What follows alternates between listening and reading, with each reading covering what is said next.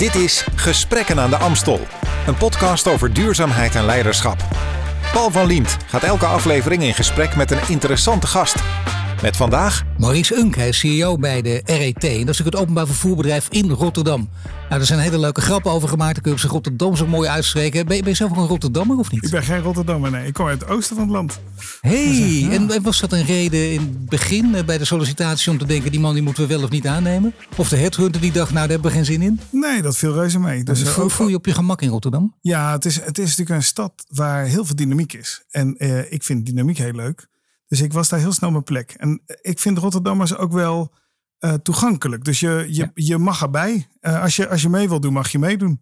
Eh, en, dat, en dat werkte dus wel goed. En ze zijn ook van niet lullen maar poetsen. Zeker. Dat Nee, je moet niet te lang lullen. Gewoon doorgaan. Nee, maar goed, eh, vandaag wel een beetje lang lullen hoop ik. Hè. Dat is wel lekker voor zo'n opname ook.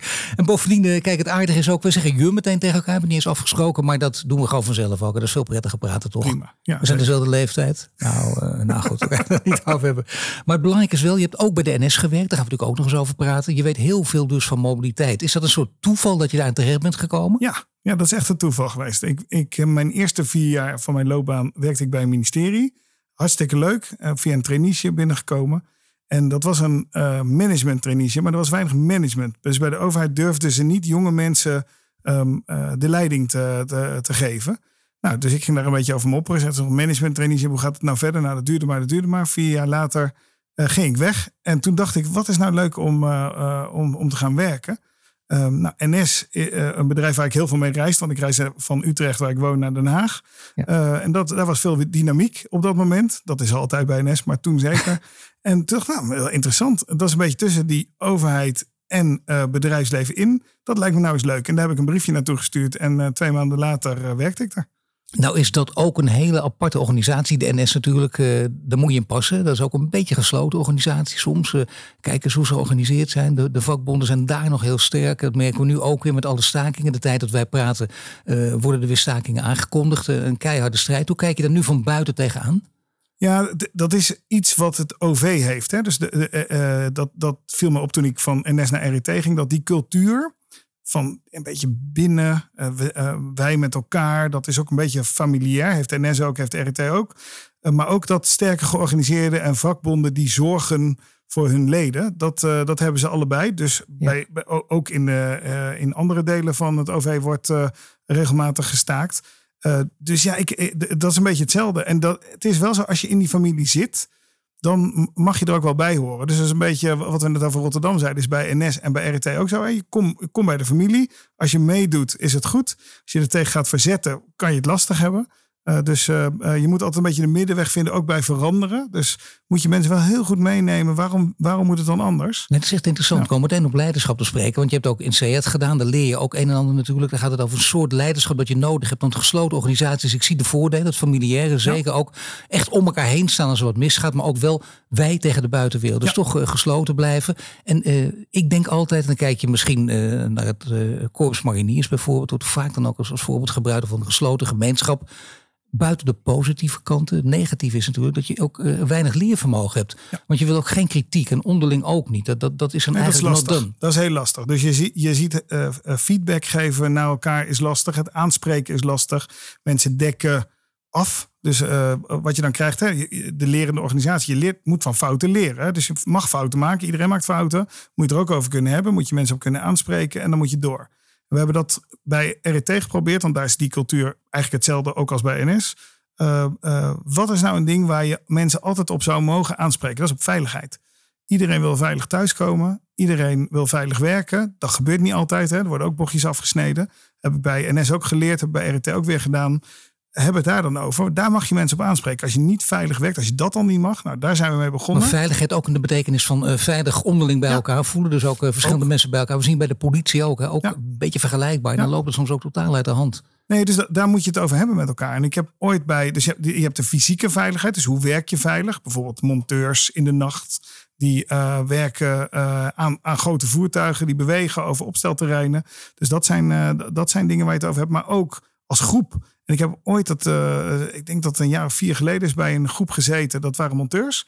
Die gingen het over hun eh, medewerkers eh, tevredenheid te hebben. Dus er was een onderzoek geweest. Die werd per afdeling werd dat gedaan. En die zaten om de tafel. En daar kwam uit dat er in die groep, er waren 25 man, werd gepest.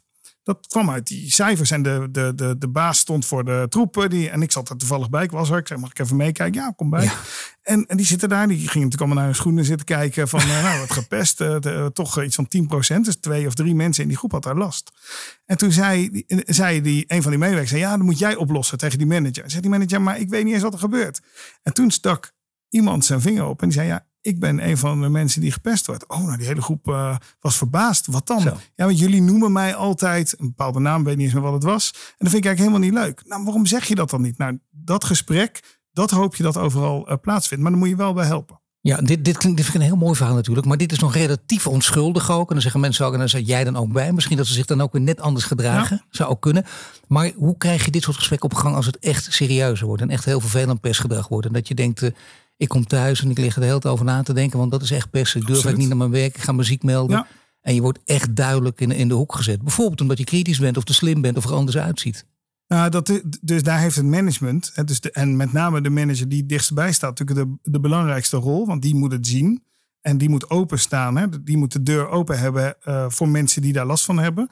Die, en die mensen moeten zich dan hopelijk veilig genoeg voelen om zich daarbij te melden. Maar je weet hoe het gaat. En de manager is dan geen verraaier. Dus is het dan nee, toch dus met de meerderheid eens. En de pester is ja, dan vaak, ja. de gepest is ja. dan vaak ook de pineut. Nee, dus, extra. dus dat, dat, is, uh, dat, dat, is absoluut spannend. Wat je daaromheen moet organiseren is natuurlijk vertrouwenspersonen. Uh, en daar heb ik ook ieder half jaar gesprek mee met onze vertrouwenspersoon. Niet om individuele uh, cases uh, eruit te lichten. Maar wel om te kijken waar zit de trend? Waar krijgen zij veel meldingen? Welke afdeling is dat? En waar moeten we dan extra aandacht aan besteden? Moeten we gaan doorvragen? Moeten we andere mensen inzetten? Moeten we interventies doen met externe? doen we ook soms. Hè? Dan halen we mensen erbij die gaan helpen om dat open te breken. Dat hebben we op een, op een andere afdeling bij ons ook gedaan. Daar kwamen ze er onderling niet uit. Grote club, man of tachtig. Externe erbij. En echt kijken hoe je dat bespreekbaar kan maken. Maar dat is buitengewoon ingewikkeld. Dat is heel ingewikkeld, maar werkt het dan ook? Want uh, het helpt misschien wel dat, uh, ik, hoewel het bijna cynisch klinkt, maar de verhalen over de voice, andere grote verhalen die naar buiten komen, waardoor je denkt, nou zie je wel, we leven nu wel in een tijd waarin dit ook kan. Mensen snappen ja. dat dit ook onmogelijk is. Ja. Is leidinggevende ook wat moet doen zelfs, anders zou dat helemaal verkeerd zijn. En dat je in die zin wel het, uh, het tij mee hebt ook en dat het ook kan en dat het moet. Maar is het zo dat je ook dus mensen moeten ontslaan om deze reden? Zeker. Nee, ook dat zeker. ook? Ja, nee, en, en dan is het, als het goed is, de pester. Dus degene die, ja. het, die het uh, ja, soms gaan natuurlijk de, gaan de mensen die gepest worden weg. Dat wil je natuurlijk eigenlijk niet. Nou, dat proberen we dan wel voor te. Als, als het echt niet gaat, halen we ze uit de groep en kijken we in een andere groep. Uh, als je erg gepest bent, past het daar wel en uh, krijg, wordt het weer een beetje leuk. Het gevaarlijk is als het een ja. cultuur wordt. En daar zijn natuurlijk ook een paar documentaires over gemaakt en een geweldige boek over geschreven over de brandweer. Ja dat het bijna onmogelijk was. Dat is te ver om nu op in te gaan en zo. Maar jij zou zeggen van een cultuur is bij ons geen sprake.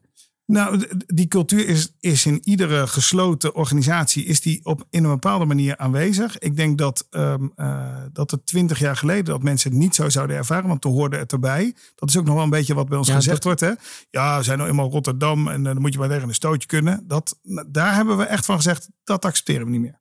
Dus dat, dat is van hoog tot laag. Hebben we dat echt goed besproken. Dat kan nooit een reden zijn dat je wel even een geintje ten koste van iemand kan maken. En dan zelf als Mauriet unk zijn. Jij komt binnen, volgens mij ben je iemand, volgens mij kun je met jou gewoon lachen. Je bent niet, niet, niet echt de hele stijle dominee. Dat, tenminste, dat is meteen mijn eerste indruk. Meestal klopt het ook. Dat, je, dat betekent, maar ja, goed, je moet ook het goede voorbeeld geven. Ja. Dus dat betekent nooit eens een leuke foute grap maken. Nee. Nooit. Nee. nee. Nee. dus je bent heel erg op je hoede. Ik ben heel erg op mijn hoede.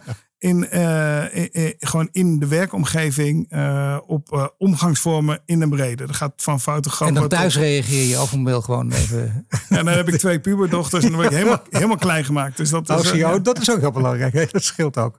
Nu speelt het nog iets. Je had het net over monteurs. En ja, dan gaat het vaak over dat denigrerende verhaal van de handjes. Die mensen zijn ongelooflijk belangrijk. De conducteurs, machinisten, overal. Heel die wereld die jij goed kent. En die mensen zijn bijna niet te krijgen. En, en die worden ook niet serieus genomen of die verdienen te weinig of die voelen zich niet genoeg gewaardeerd. Want hè, kinderen studeren, die gaan naar het HBO of VWO. Dus de meeste uit het onderzoek kwam ook, uh, doen dat nu ook. MBO, daar hebben we juist mensen voor nodig, maar er zijn er weinig. Ja. Onbegrijpelijk, heel slecht eigenlijk. Heel raar dat er zo op neerkijken. Maar jij weet er echt wat van. Want je bent ook nog toezichthouder bij het uh, MBO. Je bent ook nog bij het Sint Franciscus uh, gasthuis. Uh, ook in de, de Supervisory Board. Dus je weet precies ook in die werelden hoe het ervoor staat. Hoe komt het dat die onderwaardering nog steeds zo groot is? Ja, ik denk dat ehm, we in de maatschappij het beeld hebben gecreëerd hoe hoger je komt, hè, dus aim high. Nou, dus mensen duwen hun kinderen eh, naar het hoogst mogelijke. Eh, ook als het misschien niet verstandig is, omdat, mensen, eh, omdat een kind veel beter lekker met zijn handen of buiten dingen doet, et cetera. Zo, ik heb een dochter die zegt ook, nou, ik moet er niet aan denken om de hele dag achter, achter een bureau te zitten. Dus dat wordt iemand die gaat praktische dingen doen. Hartstikke goed.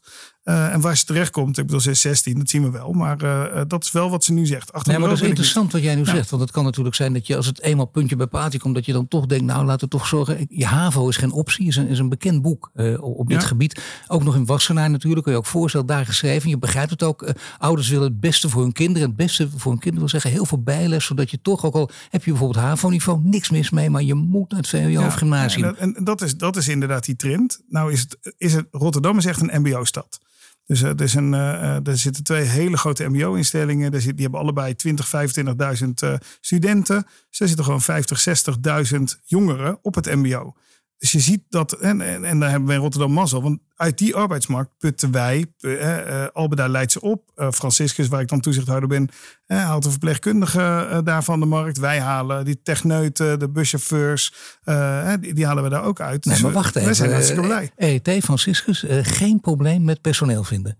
In Nou, deze dat, tijd. Dat zeg ik niet. Nee, dat vraag ik nee, nee, dat, dat, is- dat is absoluut niet zo. Het is zowel in de zorg eh, als Ja. ook bij ons.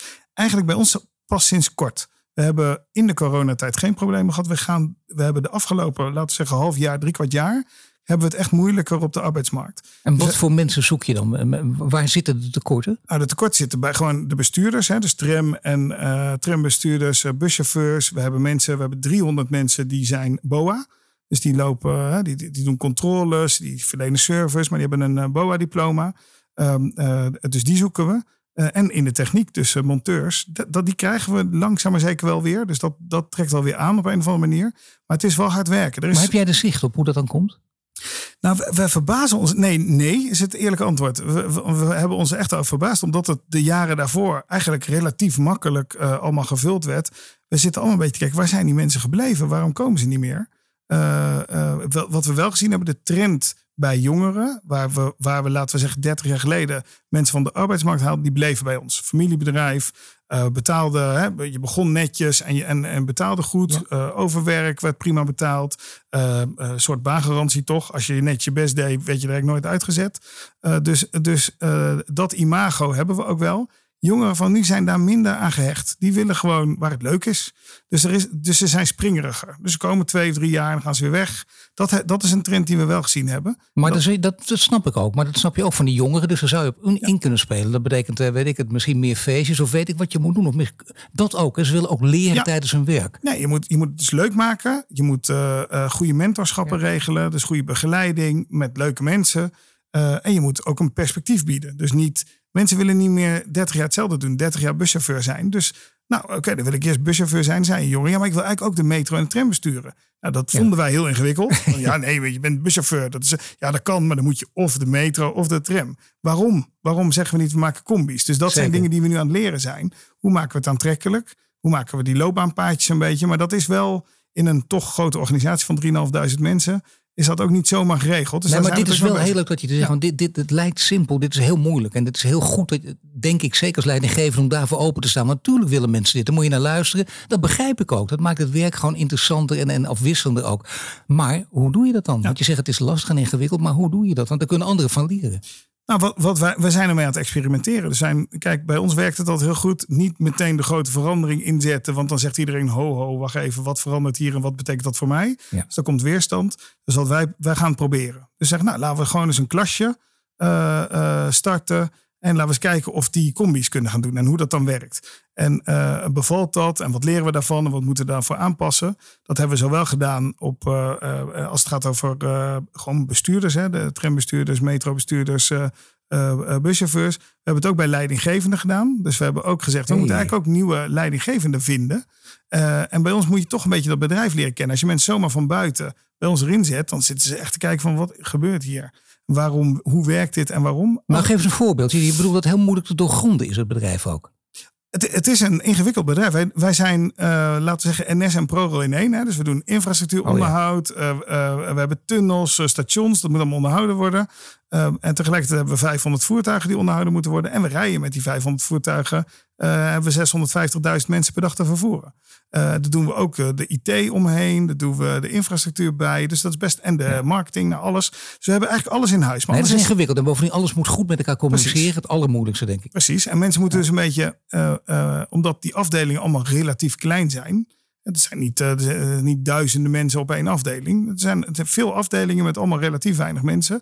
Uh, vragen we ook van mensen, je moet het wel begrijpen en instappen. We kunnen ze een tijdje begeleiden, maar dan helpt het, zeker voor leidinggevenden, als je het bedrijf al kent. Dus wij hebben nu een klasje van operationeel leidinggevenden opengesteld. Daar hebben buschauffeurs, trambestuurders die denken: hey, maar dat lijkt me wel leuk, leiding geven. Daar hebben we een hele selectie gehad. Zijn geloof ik, uh, hadden ze 40 mensen hadden zich aangemeld. We hadden plek voor acht, geloof ik. Dus we hebben een klas van acht. En die worden nu opgeleid. soms door externe, soms door onszelf. En die doorlopen een heel traject en worden dan leidinggevende. Ja, dit is wel heel interessant. Want de, de, de, je geeft nog extra mogelijkheden, maar bovendien toch weer dat klasje. Zodat niet iedereen denkt, ik moet het ook. Of wat gebeurt er allemaal? Want er zijn ook mensen die vinden het nog steeds heerlijk om wel heel lang hetzelfde te doen. In die routine te blijven En dat zitten. is goed. En dat, kan ook gewoon als je wil. Ja, nee, dat is natuurlijk wel een methode.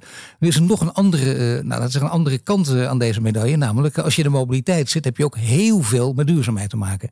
Zeker. Elektrische bussen zijn voor jullie van belang. En dan moet je mensen in die elektrische bussen krijgen. Ik heb er een paar artikelen over kunnen vinden. Dat vond ik wel mooi om te lezen. Daar hebben mensen, mensen we hebben allemaal, hè, dat blijkt dan toch. Alle hoogleraar gedragsverandering zeggen dat moeilijk is wat er is gedrag veranderen. Er zit misschien wel wat in. Maar ja, goed, uh, we weten ook allemaal, als je, als, je, als je het wel doet een keer, hoe, hoe fijn het kan zijn, hoe prettig het kan zijn. Maar hoe is dat gegaan? Hoe is het jullie gelukt om die mensen, die misschien enige weerstand hadden, toch in die elektrische bussen te zetten?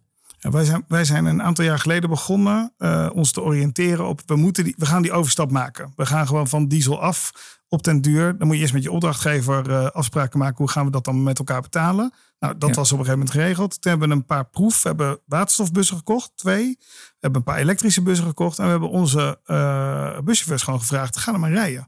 Experimenteren. Er zijn altijd mensen die het heel leuk vinden. Die meteen zeggen, ja, ja, ja, ik, ik wil, ik wil.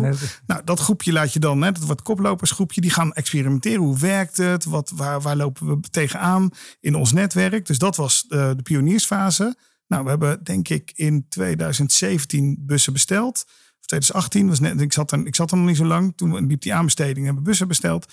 En die kwamen in 19, kwam de eerste tranche binnen. En we doen het, we hebben gezegd, we hebben ongeveer 250 bussen nodig. We gaan steeds in stappen van 50 gaan we doen. Zodat we, zodat we niet in één keer uh, die hele grote verandering doen. Ook in de stad. Hè. Je moet infrastructuur aanleggen, et cetera.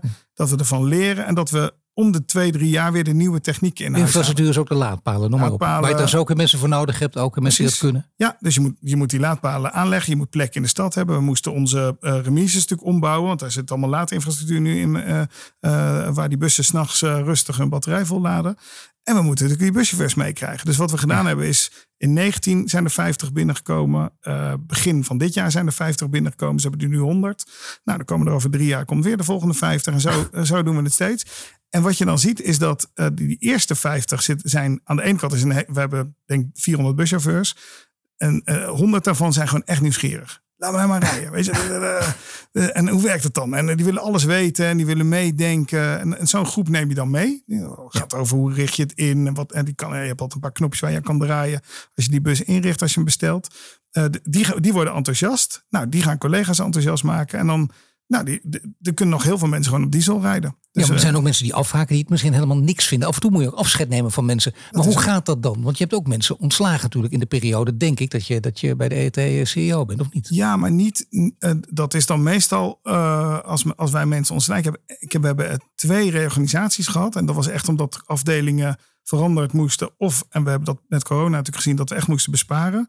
Uh, dat is gedwongen ontslag. Uh, althans, dan worden uh, arbeidsplaatsen opgegeven, moeten mensen herplaatst of, of verlaten het bedrijf. nou, dat is eigenlijk ehm, gebeurd zonder dat we echt mensen gedwongen hebben moeten ontslaan.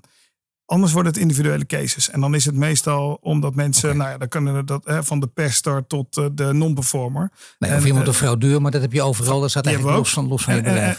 dus echt om verandering hebben we mensen niet hoeven te ontslaan. Dat zou ik ook heel zonde vinden als dat nee, maar wel, wel uh, begrijp ik ook, reorganisaties kon nog niet anders. Bij de NS zag je dat natuurlijk ook. En, ja. uh, en dan was de vraag ook, en nog steeds daar is de vraag, komen die mensen van voor corona, komen die nu terug? En geldt dat voor jullie ook of niet? Als je het over reizigers hebt bedoel je? Ja, over de reizigers. Ja, zeker. Nee, wij, wij zijn overigens wel Onze slogan is aardig onderweg. En dat is in dit, uh, in dit geval ook. We zitten weer rond de 85 procent. Dus we zijn weer in opbouw. Hè. Dus je hebt, en waar moet je naartoe? Ja, 100 plus. Hè. Dus we willen weer groeien. Nou, ik bedoel wat je gewend was voor corona. We hadden 650.000 reizigers per dag. En we zitten nu rond de 85, tussen de 85 en 90. Deze maand is heel spannend. De maand september is altijd de maand dat uh, nou, scholen beginnen helemaal. De, de universiteiten, hogescholen, mbo's, alles begint weer. Uh, wat wordt het reisgedrag daarvan? Ik zat maandag in uh, tram 24 naar Oostplein en inderdaad is dat bomvol. Nou, dus, dus je, dan heb je meteen... precies. En terug ook trouwens. Nee, dus, dus we zien echt wel weer dat het aantrekt, gelukkig. We hebben wel heel mooi weer gehad. Dat maakt dat mensen heel erg gaan fietsen. September, oktober wordt het weer minder. Dus dan denken we dat we meer meer uh, klanten uh, krijgen. We zijn op de goede weg, maar we zijn er nog niet. En en dat maakt het financieel gewoon lastig. Want wij als stadsvervoerders, ook RET, uh, uh, leven van onze reizigers en niet van een groot subsidiepot. En jullie hebben ook te maken met, uh, nee, niet van die subsidiepot, maar jullie hebben wel geld nodig. Jullie hebben te maken met twee hele grote belangrijke aandeelhouders, namelijk de gemeente en de metropoolregio. Ja. Wat is de grote rol? Hoe gaat die samenwerking? Want niet alles gaat goed. Hè? Ik bedoel, ik kan een paar voorbeelden, die, die kan iedereen vinden op Google. Daar kunnen we uitgebreid over praten. Daar is misschien nu niet de tijd voor, maar wel goed om aan te geven wat er ook misgaat en wat je daaraan kan doen. Want het is een moeilijke samenwerking, denk ik, met deze aandeelhouders. Ja, de, de, uh, omdat ze dubbelrollen hebben. Dus ze zijn en aandeelhouder van het bedrijf. En in die aandeelhoudersrol gaat het eigenlijk wel goed. Want uh, dan volgen ze het bedrijf natuurlijk op afstand kritisch. Zit de raad van commissarissen nog tussen. Dus die, uh, die, daar hebben wij natuurlijk veel meer mee te maken. We hebben eigenlijk twee, drie keer per jaar een aandeelhoudersvergadering. Waarbij we de, de normale dingen doen. Daar, daar is de samenwerking niet zo ingewikkeld. Waar die ingewikkeld wordt, is de gemeente als een mobiliteitsvrager of als ontwikkelaar van gebieden. De metropoolregio als subsidieverstrekker. Want er wordt natuurlijk wel subsidie aan een aantal dingen wordt wel subsidie verstrekt. Uh, en zeker in coronatijd, toen we geld tekort kwamen, moest dus die kraan verder open om eh, de boel te laten rijden. Dat ging deels via het Rijk, maar daar heeft de metropoolregio ook aan, uh, aan bijgedragen. En dan krijg je ingewikkelde discussies. En daar... wat, wat, wat is echt ingewikkeld? Ik bedoel, want dat is ook vanuit een leidinggevend perspectief interessant, ook voor degene die hier naar luisteren. Ja, er zijn, zijn eigenlijk twee, uh, twee ingewikkelde vraagstukken. Eén is actueel, dat, is, dat heeft met corona te maken, met de nasleep van corona, dat wij veel minder reizigersinkomsten hebben dan dat we voorheen hadden. En hoe dicht je dat gat? En dat is echt, niemand zit te wachten op een extra rekening. Dus we zitten daar met elkaar echt ingewikkelde gesprekken te voeren. Hoe je dat doet. En uh, uh, daar moeten wij, uh, denk ik, de ownership pakken. Dit, tot hier kunnen wij het regelen. Wat kunnen jullie doen? Het is nooit eerst naar de ander, maar eerst bij jezelf beginnen. Dat vind ik dan wel. Ja. En dat hebben we ook gedaan in, in coronatijd. Dat is de eerste discussie. De andere discussie is de lange termijn. Namelijk, wij zien, die stad wordt groter. In Rotterdam wordt ontzettend veel gebouwd. Er komen enorm veel woningen bij. In de hele regio komen ruim 200.000 woningen bij. Nou, een van die regio voorzien wij van OV. Um, wij zien dat vastlopen. Alleen de politiek denkt natuurlijk vier jaar maximaal vooruit. Wij denken 10, 15, 20 jaar vooruit. Dus we zijn in discussie al eigenlijk zolang ik er zit. Hoe wordt dat lijnennet van de toekomst? Hè? Welke metroverbindingen moet je versterken? Waar moet je extra aanleggen? Wat gaan we met de tram doen? Nou, die elektrificatie van die bussen, daar hebben we grote stappen in gezet. Maar met name die grote investeringen, daar zijn we in Nederland, uh, dat is buitengewoon ingewikkeld om dat voor elkaar te, uh, te krijgen. Nou is het wel interessant. Ja. Uh, ik, ik, kan je bijna helpen. Dat is heel gek tijdens zo'n interview dat ik dat ga doen. Maar toch, het heeft te maken ook met de actualiteit. Want de Edelman Trust Barometer, belangrijk, hè, gerenommeerd groot communicatiebureau, dat elk jaar met deze barometer komt. En die gaan altijd ook vertrouwen meten. En uit het vertrouwen komt dat de mensen ver uit het meest vertrouwen hebben in de CEO van hun eigen bedrijf. Die vertrouwen ze het meest. En een enorme daling bij de staat De staat en de overheid, die vertrouwen ze totaal niet meer. Dat is niet waar, totaal moet ik weghalen. Maar heel weinig mensen die daar nog vertrouwen in hebben. Dat zijn echt redelijk uh, opmerkelijke cijfers ook. Vonden ze zelf ook bij dat, bij dat communicatiebureau. Omdat uh, mensen zeggen, kijk, die CEO's die kunnen meer voor elkaar krijgen. Juist vanwege die lange termijnvisie. Dus alsjeblieft, uh, daar kunnen we en willen we ook meer naar luisteren. Zo'n onderzoek is niet zomaar een onderzoek van een clubje. Helpt dit ook? Ik bedoel, want dit in deze tijd met al die crisis, die kunnen niet opgelost worden met, met drie of vier jaar vooruitkijken. Helpt zo'n onderzoek jullie ook verder of niet? Ik denk dat het laat zien dat eh, we met elkaar behoefte hebben aan een lange termijn visie. Waar gaan we naartoe? En dat missen we met elkaar, wij ook, in de politiek.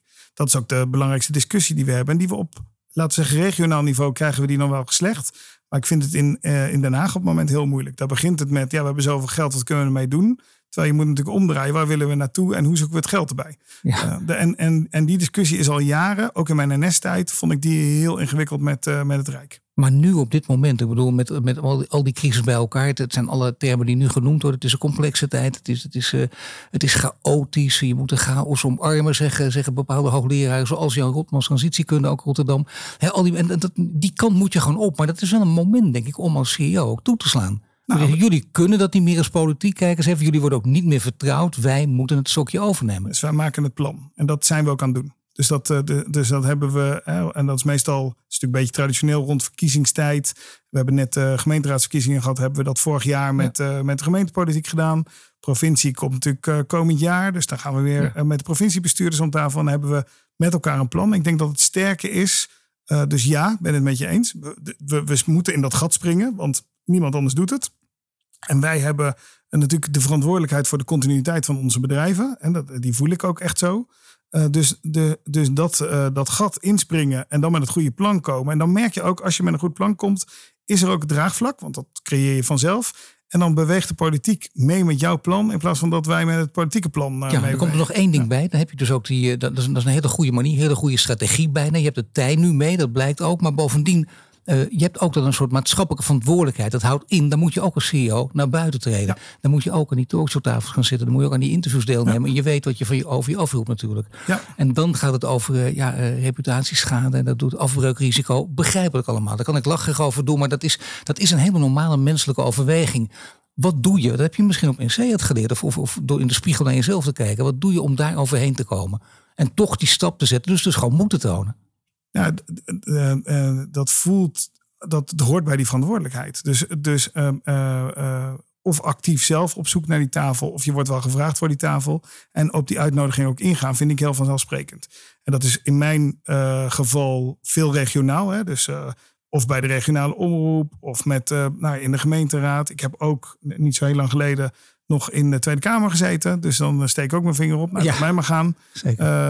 om, om, om dat verhaal te vertellen. En volgens mij moet je daar ook niet bang voor zijn. En... Wat, wat, zeg je tegen CEO's die, die dit verhaal? Want je, je weet het natuurlijk. Ik, ik weet het. Jij, jij komt ze tegen. Ik kom ze ook tegen op een andere manier. Maar dan praat je ook off the record. Dus ik zal ook nooit uh, zeggen wie dat allemaal zegt. Dat doet er ook niet toe.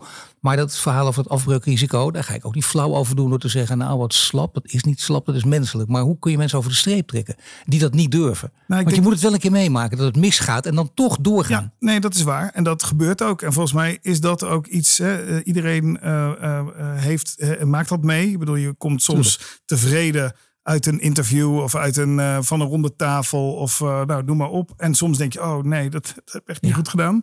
Dat hoort er ook bij. Ja, of jij de Twitterlijn staat opeens, ja, je, je wordt wakker in ja. is hier gebeurd. Wat is hier gebeurd? Ja, nee. De, de, en daar moet je toch mee om kunnen gaan. Ja, ja nee, en dat is ook best lastig. Dus uh, want je krijgt natuurlijk zeker tegenwoordig heel snel een bak kritiek over je heen. Ja, dat is, dat, ik zeg, het komt met de job. Dan moet je maar even uitzitten. Dus niet te bang zijn, sta voor je zaak. En als je een goed verhaal hebt, heb je ook een podium. En hoe lang uh, kun je het beste aanblijven? Uh, jij hebt je contract uh, kunnen verlengen. Ze willen je behouden tot 2025 in ieder geval. Daarna mag je ook nog doorgaan of niet? Of is het dan voorbij? Nou, ik heb afgesproken dat ik dat niet doe. Dus ik bedoel, we hebben in de Corporate Governance Code staat natuurlijk in principe acht jaar. Het is twee keer vier. Um, uh, en wij hebben ook, dat heb ik bij mijn uh, herbenoeming, hebben we dat ook met, heb ik dat met mijn raad van commissaris ook afgesproken. Dat is het ook. Maar het is ook heel interessant. Hè? Er wordt ook altijd gezegd, acht jaar, dan kun je eens een jaartje overheen of een jaartje minder. Maar dat is normaal gesproken ook weer de houdbaarheidsdatum. Ik denk dat dat ook, zo gevoelsmatig is dat natuurlijk. Je hebt een beetje de seven year itch. Hè? Dat is zo'n bekende ja. Uh, spreekwoord. Het, volgens mij moet je ook op een gegeven moment weer fris bloed hebben. Dus ik, ben, ik, zit nu, ik, ga, uh, ik zit nu in mijn zesde jaar. Nou, dat gaat nog prima. Uh, we hebben een hoop te doen na corona. Maar ik kan me voorstellen dat over een jaar of twee... dat langzaam dat vuurtje een beetje dooft. Of dat het routine wordt. Of dat je denkt dat je het allemaal wel weet. En dan is het tijd voor... anderen zo kijken. Gewoon puur alleen ja. al, ook al doe je het heel goed... heb je er nog zin in dan nog een ander gezicht. Ja. Kijk naar onze eigen premier, waar heel veel mensen ook terecht heel veel positieve dingen over zeggen. Maar ook terecht zeggen, nou wacht even, zelfs al zou die het geweldig doen, dan nog. Het is steeds diezelfde man, die, die, kennen we nou wel. Ergens is het goed dat er weer een nieuw, uh, nieuw gezicht komt, nieuwe ideeën komt, een nieuwe inbreng komt. En dat vind ik dus heel gezond. En, ik heb dat in mijn toezichthoudende uh, functie natuurlijk hetzelfde. Kijken we, dan ben ik weer de werkgever van, van bestuurders. En kijken we er ook op die manier naar. Nu is het wel belangrijk dat je als, als CEO, dat zeggen veel mensen ook, uh, CEO's, die moeten ook veel lezen. En uh, je moet niks, maar in de praktijk blijkt ook heel veel CEO's heel veel te lezen. En dan heb ik niet over kranten, maar ook gewoon boeken te lezen. Ja. Nou, tot mijn grote verbazing en vreugde ook. Je bent ook echt een lezer en, en Ja. één boek springt eruit. Aardig om daar iets over de achtergrond van te vertellen. Ja, dus eh, laat je niet gijzelen. Host- Hostage at the table. Dat heb ik eh, bij IMD. Dus ja, we hadden het net over INSEAD. Maar ik heb een, op bij nog zo'n eh, school Ja. iets mogen doen. IMD, daar heb ik een, een, een, een, leergang High Performing Leadership heette dat. Die werd gegeven door George Koolrieser. En dat is een oude gijzelingsonderhandelaar. Uit Amerika, dus die kan heel mooi vertellen. Dat heeft hij in dat boek ook gedaan. En eigenlijk zijn de, de kern daarvan sprak mij zo aan dat eh, toen ik dat, eh, dus ik denk een jaar of zes, zeven geleden dat ik dat eh, heb gedaan, dat ik dacht, nou, dit is gewoon hoe ik wil werken. Maar wat is de kern? de, de kern is, het begint met contact maken. Dus als je geen contact hebt, hè, zoals als bij mij een medewerker binnenkomt en ik begin gelijk met, eh, ja, dat moet gebeuren, dat moet gebeuren, dan, ja, dan wordt het een hiërarchisch gesprek. Dat kan, dat kan soms nodig zijn. Maar als je, als je even verdiept in mensen en echt even contact hebt, dan, dan heb je daarna, kun je veel meer dingen bespreken. Dus kun je de breedte in, kun je ook, als het gaat waar we, waar we mee starten over feedback geven, gaat ook veel makkelijker als je eerst contact hebt. Als ik gelijk begin te gillen dat iets niet goed is, denkt iemand, nou wacht even, ik zit nog niet eens en krijg dit al. Ja, maar voor het gemak, Ja. het gaat om dat je, dat je inderdaad als CEO die sociale vaardigheid ook moet hebben. Dat kan over alles gaan. Dat kan over voetbal gaan, dat kan over schoenen gaan, weet ik wat. Het maakt niet even, en, en het hoeft, je hoeft ook geen twintig minuten een soort van Nee. small talk op te zetten. En het moet ook oprecht zijn. Hè? Dus, de- dus dat je gaat, je, je mag er best een beetje mee oefenen, maar je moet uiteindelijk moet je, moet je het ook leuk vinden om dat contact te hebben. Ik vind dat sowieso. Als je, eh, ik heb ooit een trainee gehad, eh, eh, lang geleden. Ehm, en, en die, ik zeg, wat vind je nou het allerleukste aan leiding geven? Nee, resultaten halen en dit. nou, dat snap ik, want dat is een jonge kerel. Ja, Ja. maar hij had het, en we hebben een half uur met elkaar, ik heb een half uur allemaal vragen gesteld. Hij had het nergens over mensen. Toen heb ik gezegd, ja, volgens mij is dit niet jouw vak. Jij moet projectleider worden of ik veel, gewoon lekker resultaten. Maar je moet als je leiding geeft, moet je van, toch een beetje van mensen houden. En moet je contact kunnen maken met mensen. En in dat contact moet je mensen helpen. Dat kan zijn eh, eh, dat je eh, positief, hè, hartstikke goed gedaan, wat fijn. En dit vond ik mooi en dit vond ik minder mooi. Maar die feedback moet mensen helpen om te groeien. En zo wil ik ook graag dat ik feedback krijg wat heel ingewikkeld is op een Ja, dus plek. contact maken is een hele belangrijke. Contact. Dat heb je uit het boek geleerd. Maar Ja. wat nog meer? Nou, er, zit, dat, heeft twee, twee woorden, hè, daring en caring. Dus dat caring is, het, de, de vertaling vind ik niet sterk, zorgen voor. Want het is niet Ja. zorgen voor, maar wel je hebt, je hebt zorg voor. Ja. Dat is het eigenlijk meer. En je daring is mensen uitdagen, proberen het beste uit mensen te halen. Nou, die twee, dat moet niet in balans zijn, maar dan moet je allebei 100% hebben. Dus, eh, en dat is eigenlijk de filosofie eh, achter, en dat heet Secure Based Ja. Leadership. Eh, eh, eh, dat is de filosofie erachter. Dus je, je hebt echt contact, je bent echt geïnteresseerd. En in dat echte contact kun je mensen uitdagen. Maar je bent er ook voor mensen als ze je nodig hebben. Ja, en één ding staat er niet in, maar daar heb je andere boeken voor. Dat hoort ook echt bij elke leider. Ken uzelf. En dat is ook makkelijk gezegd, want we kennen ons. Als je jezelf wil kennen, je kent jezelf niet helemaal. Het is ook heel gevaarlijk, omdat je ook je negatieve kanten kent. Heb je ooit op die manier gewoon echt eh, letterlijk in je eigen ziel gekeken? En eh, weet je ook echt of weet ik, nou, dit is iets. Daar moet ik of een sleutel of dat, dat mis ik nu eenmaal. Niemand is de perfecte mens. Ik ben zeker niet perfect. Mijn vader is psychiater. Dus, eh, Kijk, eh, hé, hey, dat is belangrijk. En heb je goed contact ook of ja, niet? zeker. Oh, dan Ja, helemaal ja, interessant. ja, nee, dus de, de- dus eh, eh, dat ken u zelf en onderzoek jezelf. Dat is bij ons wel een beetje met de paplepel. Maar wat heb je ervan geleerd? Of van, dat is wel leuk om dat even nu toe te vertellen aan de microfoon. Nou, dat, dat, ik, ik heb heel veel goede eigenschappen. Die heb ik ook gehoord van je tijdens dit gesprek. Maar dat is iets, daar ben ik gewoon minder goed in. Ja, ik ben ongeduldig. Dus ik, en, ik, en ik ben soms ook te snel in mijn conclusie. Dus dan, dan eh, denk ik, ah, wil die kant op. Hup, en dan ga ik er al achteraan. Terwijl dat echt onderzoekende, dat heb ik minder. Dus ik moet altijd om me heen zorgen dat er mensen zijn die zeggen, oh, oh, even wachten. Hebben we er nou echt goed over nagedacht? Dus ik, daarin pas ik misschien wel een beetje te goed in het Rotterdamse. Niet lullen, maar poetsen. Hup, gelijk door. Terwijl je moet af en toe ook even, even echt nadenken. Zitten we nou op, de, op het goede spoor? Maar kan dit, want zijn ook eigenschappen die je hebt. Of je- dat, dat, dat geeft helemaal niet. Dat, daar kun je andere mensen om, om Ja. eh, bij je hebben die dat wel kunnen. Je kan ook zeggen, nou dat heb ik heel lang geprobeerd. Maar dat gaat mij niet lukken. Ik kan wel dertig keer op mijn handen gaan zitten. Maar ik ben nou eenmaal ongeduldig. Nee, dat, dat, dat is zo. En, en dus moet ik, dat, moet ik dat om me heen organiseren. Dat is één. Eh, eh, en de andere is, hè, jij zei het al, een open, vriendelijke uitstraling. Mensen vergissen dat in dat ik heel meelevend ben. En dat ben ik niet zo. Nou zeg. Dat had jij niet moeten prijsgeven. Ik ben heel blij dat je dit gezegd hebt. Iedereen is gewaarschuwd. Ik zou zeggen, iedereen bij het RET echt luisteren ook. Hè? Want we weten meteen hoe je echt in elkaar zit. Hoe komt dat, het mijn leven? Dat het niet, Ja, dat weet ik en dat je het ook van jezelf weet. Ja, nou, ben je dan toch niet echt geïnteresseerd in een ander? Nee, ik ben wel echt geïnteresseerd, maar ik ben blijkbaar eh, karakter, opvoeding, combinatie daarvan wel van niet zo zeuren en gewoon doorgaan. Dus, dus, dus eh, eh, niet te lang blijven hangen in oh, oh, het is toch allemaal. Maar het is iets anders dan dat je niet empathisch bent. Hè? Want Nee, ik dat ben is, wel dat is empathisch. een ander verhaal. Ja, ik ben wel empathisch. Maar mensen verwarren empathie soms met. Maar hij snapt helemaal hoe erg het is en heeft er heel veel begrip voor. En dat begrip is bij mij, dat is er wel natuurlijk voor een stuk, maar het is, is minder groot dan dat mensen denken. Nou, zeer veel dank ook voor deze laatste openhartige opmerkingen. Marix Unk, CEO bij de RET. Dit was Gesprekken aan de Amstel. Een podcast over duurzaamheid en leiderschap. Presentatie Paul van Liemt. En mede mogelijk gemaakt door Maas en Lunau Executive Search. Volg ons in je favoriete podcastplayer voor meer Gesprekken aan de Amstel.